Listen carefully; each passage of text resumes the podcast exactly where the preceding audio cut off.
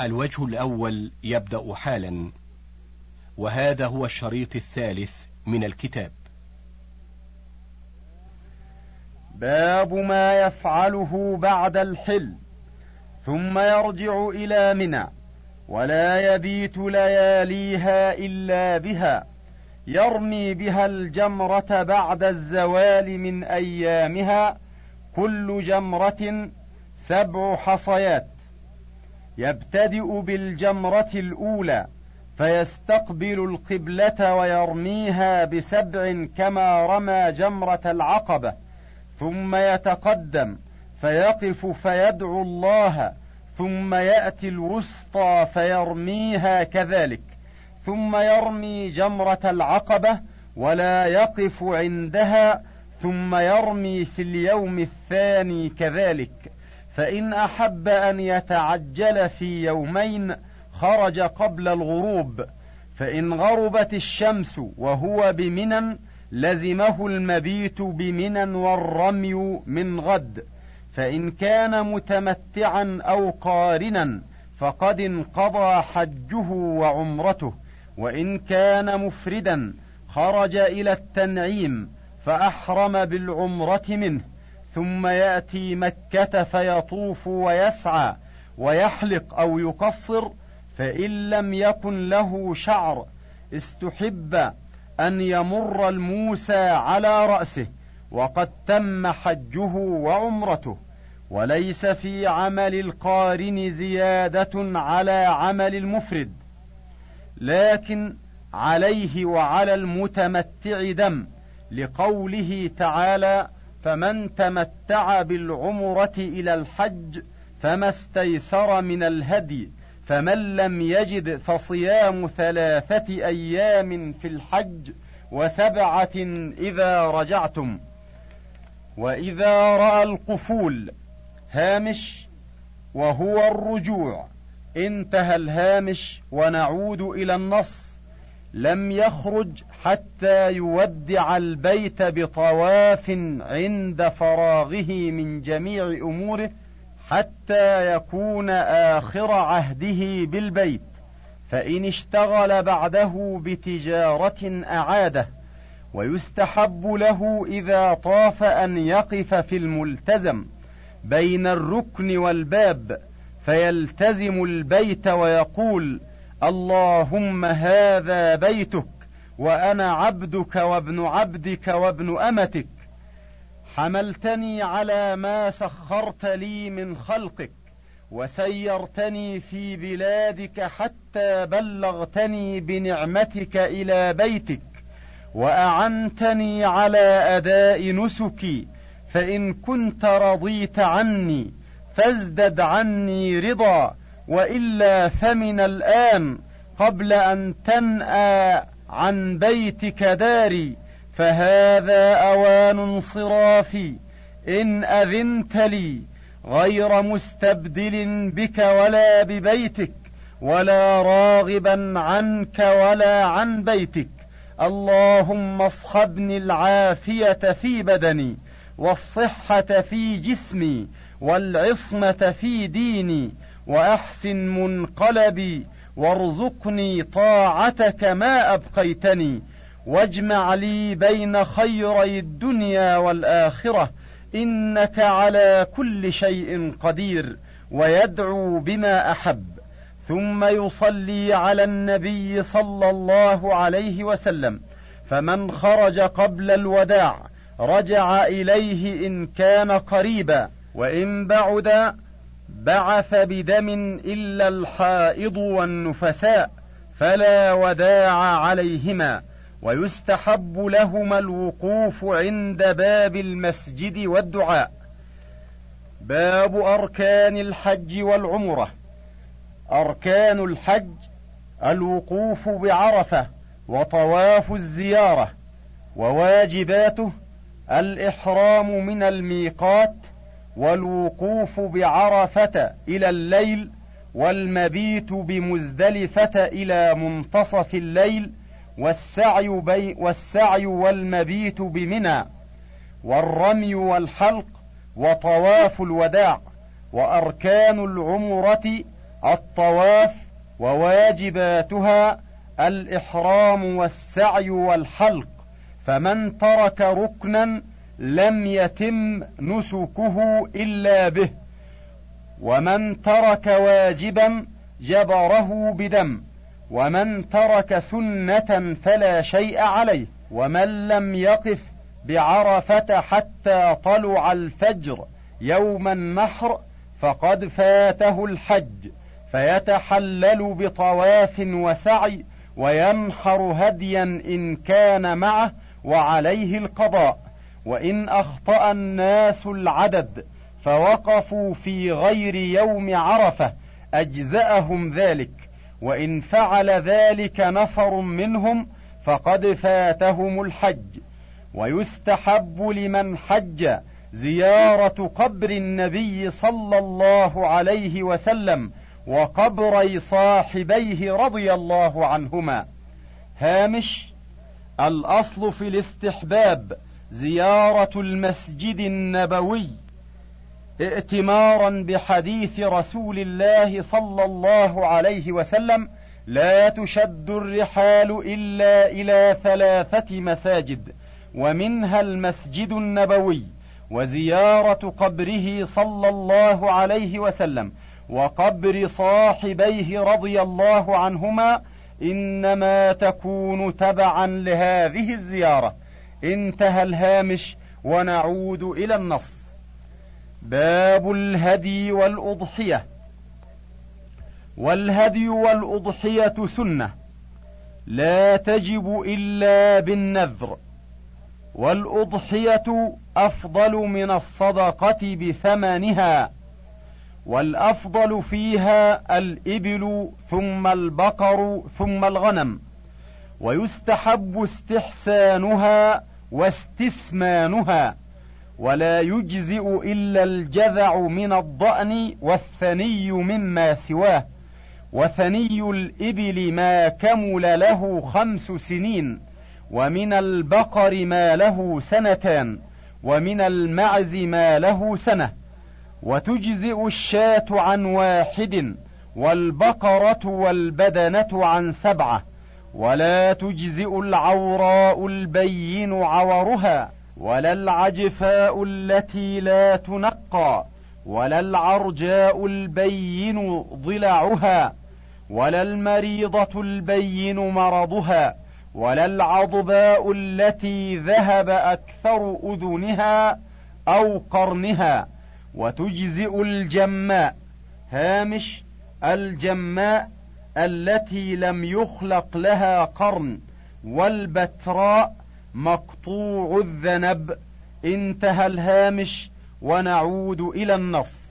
وتجزئ الجماء والبتراء والخصي وما شقت أذنها أو خرقت أو قطع أقل من نصفها. والسنة نحر الإبل قائمة معقولة يدها اليسرى وذبح البقر والغنم على صفاحها ويقول عند ذلك بسم الله والله أكبر اللهم هذا منك وإليك ويستحب ألا يذبحها إلا مسلم وإن ذبحها صاحبها فهو أفضل. ووقت الذبح بعد صلاة العيد إلى آخر يومين من أيام التشريق وتتعين الأضحية والهدي بقوله هذا هدي وإشعاره وتقليده مع النية. هامش الإشعار هو جرح الدابة في صفح سنامها ليعرف أنها هدي وتقليدها نعلين في رقبتها وقد صنع الرسول ذلك بهديه عندما أحرم. انتهى الهامش ونعود إلى النص. ولا يعطي الجزار بأجرته شيئا منها والسنة أن يأكل ثلث أضحيته ويهدي ثلثها ويتصدق بثلثها وإن أكل أكثر جاز وله أن ينتفع بجلدها ولا يبيعه ولا شيئا منها. فأما الهدي إن كان تطوعا استحب له الأكل منه لأن النبي صلى الله عليه وسلم أمر من كل جزور ببضعه. فطبخت فأكل منها وحسى من مرقها ولا يأكل من كل واجب إلا هدي المتعة والقران فإن النبي صلى الله عليه وسلم قال من أراد أن يضحي فدخلت العشر فلا يأخذ من شعره ولا من بشرته شيئا حتى يضحي. باب العقيقة وهي سنة عن الغلام شاتان وعن الجارية شاه تذبح يوم سابعه ويحلق رأسه ويتصدق بوزنه ورقا فإن فات يوم سابعه ففي أربعة عشر فإن فات ففي إحدى وعشرين. وينزعها أعضاء ولا يكسر عظمها وحكمها حكم الأضحية فيما سوى ذلك. هامش الورق بفتح الواو وكسر الراء الفضة. انتهى الهامش ونعود إلى النص. كتاب البيع.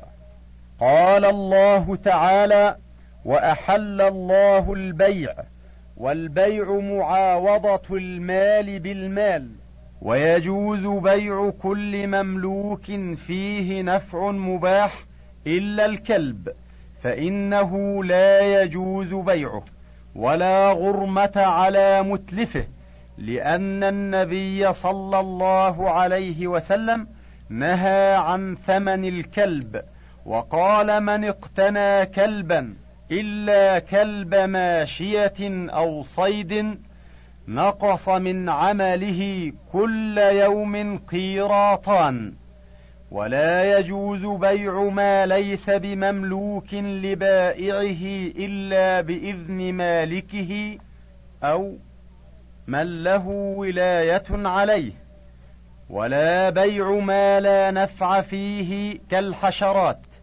ولا ما نفعه محرم كالخمر والميتة ولا بيع معدوم كالذي تحمل أمته أو شجرته أو مجهول كالحمل والغائب الذي لم يوصف ولم تتقدم رؤيته ولا معجوز عن تسليمه كالآبق والشارد والطير في الهواء والسمك في الماء ولا بيع المغصوب إلا لغاصبه أو من يقدر على أخذه منه ولا بيع غير معين كعبد من عبيده أو شاة من قطيع إلا فيما تتساوى أجزاؤه كقفيز من صبره.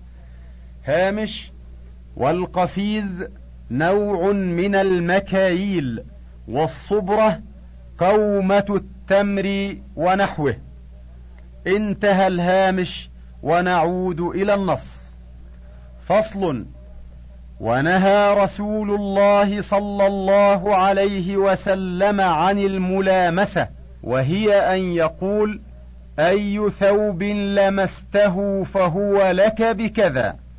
وعن المنابذة وهي أن يقول أي ثوب نبذته إلي فهو علي بكذا وعن بيع الحصاة وهو أن يقول ارم هذه الحصاة فأي ثوب وقعت عليه فهو عليك بكذا.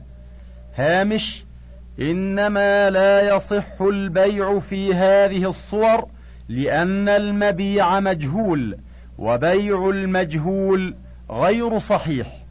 انتهى الهامش ونعود إلى النص.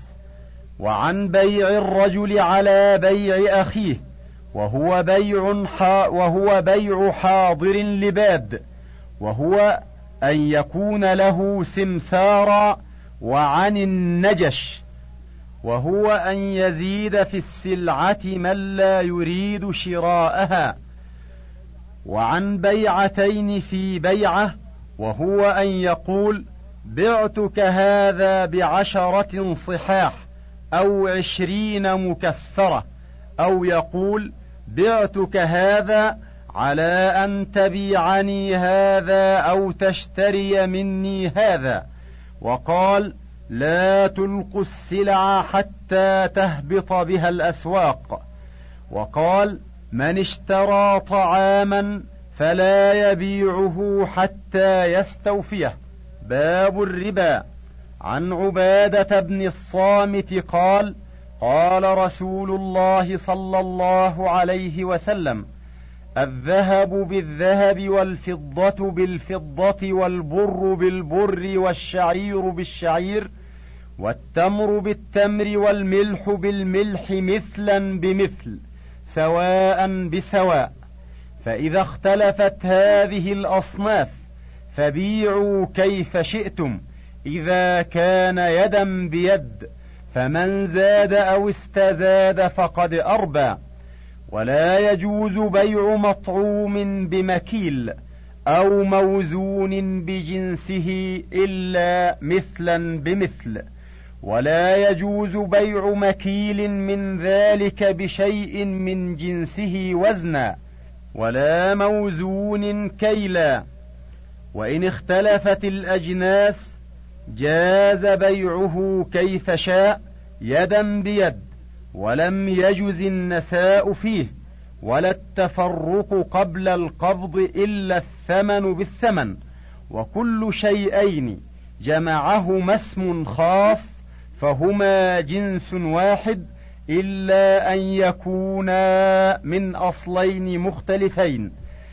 فإن فروع الأجناس أجناس وإن اتفقت أسماؤها كالأدقة والأدهان ولا يجوز بيع رطب منها بيابس من جنسه ولا خالصه بمشويه ولا نيئه بمطبوخه.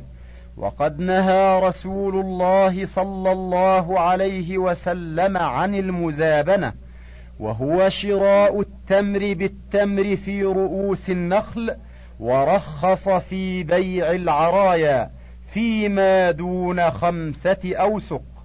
هامش بيع العرايا هو أن يخرص الثمرة في رؤوس النخل ثم يعطيه قدرها من التمر القديم.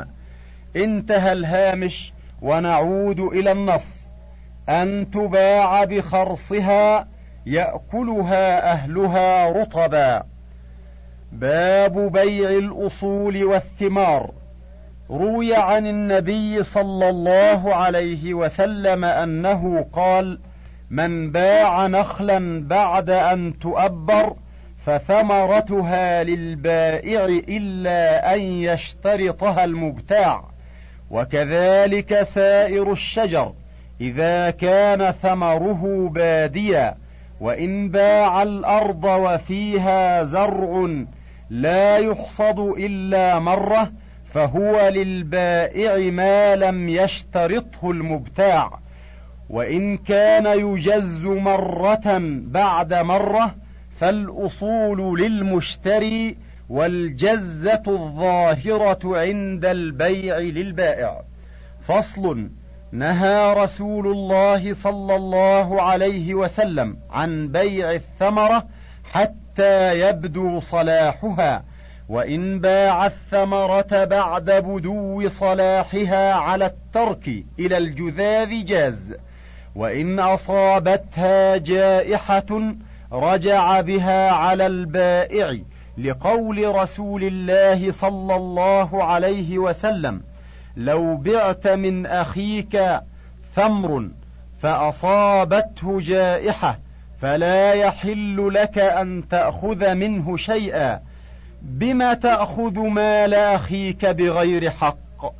وصلاح ثمر النخيل أن يحمر ويصفر. والعنب أن يتموه وسائر الثمر أن يبدو فيه النضج ويطيب أكله. باب الخيار.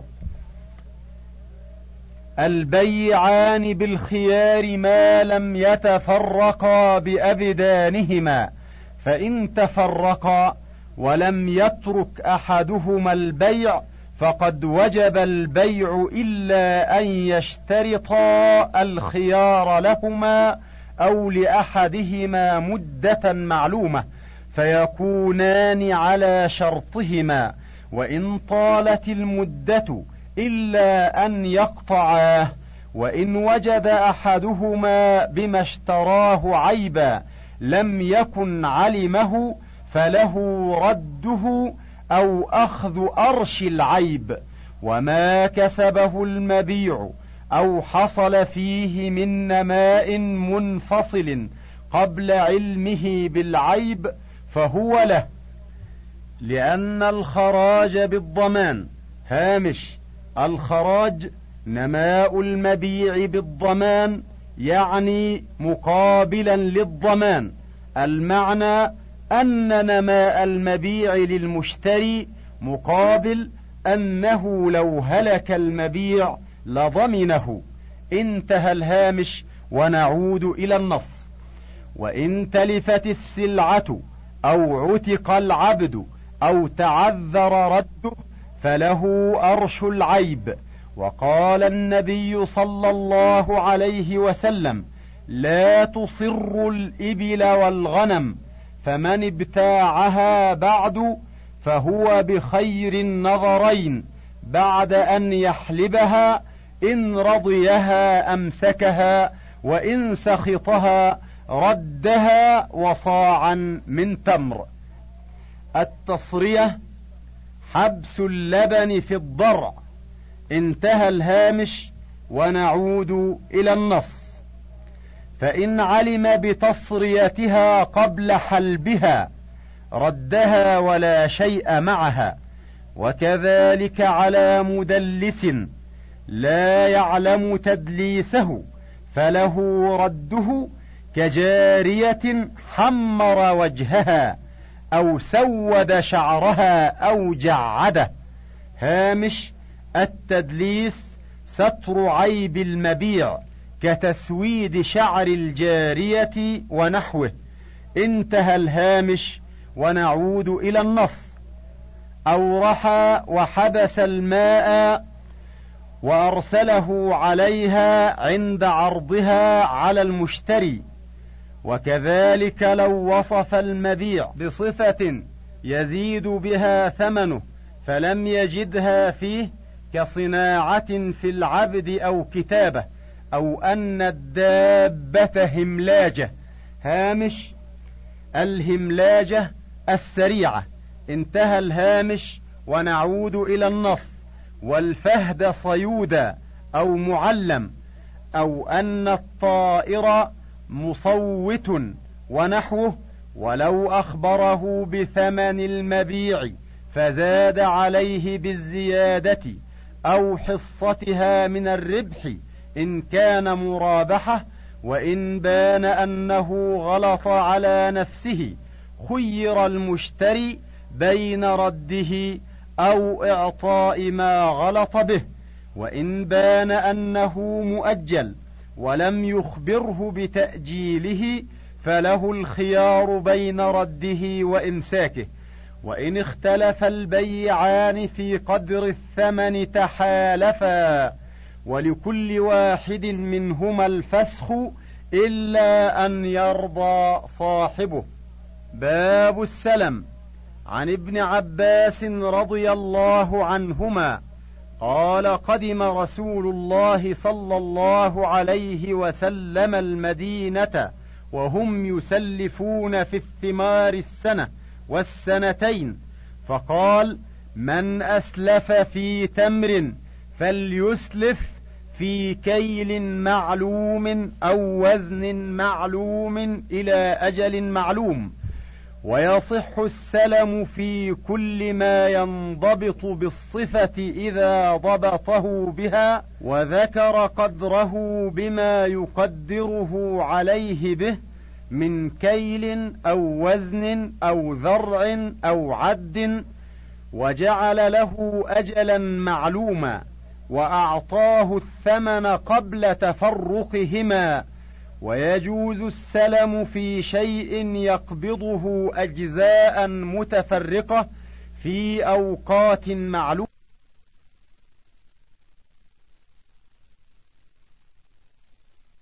يجز حتى يبين ثمن كل جنس ومن أسلم في شيء لم يصرفه إلى غيره. ولم يجز له بيعه قبل قبضه ولا الحوالة به وتجوز الإقالة فيه أو في بعضه لأنها فسخ. باب القرض وغيره عن أبي رافع أن رسول الله صلى الله عليه وسلم استلف من رجل بكرا فقدمت عليه إبل الصدقة فأمر أبا رافع أن يقضي الرجل الرجل بكره فرجع إليه أبو رافع فقال لم أجد فيها إلا خيارا رباعيا فقال أعطه فإن خير الناس أحسنهم قضاء ومن اقترض شيئا فعليه رد مثله. ويجوز أن يرد خيرا منه وأن يقترض تفاريق ويرد جملة إذا لم يكن شرطا وإن أجله بتأجيل. ولا يجوز شرط شيء لينتفع به المقرض إلا أن يشترط رهنا أو كفيلا. ولا تقبل هدية المقترض إلا أن يكون بينهما عادة بها قبل القرض بيان أحكام الدين.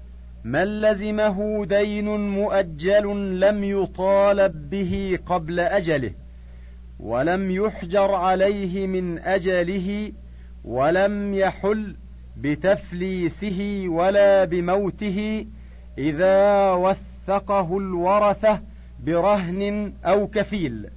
وإن أراد سفرا يحل قبل مدته أو الغزو تطوعا فلغريمه منعه إلا أن يوثق بذلك. وإن كان حالا على معسر وجب إنظاره فإن ادعى الإعسار حلف وخلي سبيله إلا أن يعرف له مال قبل ذلك فلا يقبل قوله إلا ببينة فإن كان موسرا به لزمه وفاؤه فإن أبى حبس حتى يوفيه فإن كان ماله لا يفي به كله فسأل غرماؤه الحاكم الحجر عليه لزمته إجابتهم فإذا حجر عليه لم يجز تصرفه في ماله ولم يقبل إقراره عليه ويتولى الحاكم قضاء دينه ويبدأ بمن له أرش جناية من رقيقه فيدفع إليه من أرشها أو قيمة الجاني ثم بمن له رهن فيدفع إليه أقل الأمرين من دينه أو ثمن رهنه وله أسوة الغرماء في بقية دينه. ثم من وجد متاعه الذي باعه بعينه لم يتلف بعضه ولم يزد بزيادة متصلة ولم يأخذ من ثمنه شيئا فله أخذه لقول رسول الله صلى الله عليه وسلم من أدرك متاعه بعينه عند إنسان قد أفلس فهو أحق به من غيره ويقسم الباقي بين الغرماء على قدر ديونهم وينفق على المفلس وعلى من تلزمه نف مؤنته من ماله إلى أن يقسم. انتهى الوجه الأول.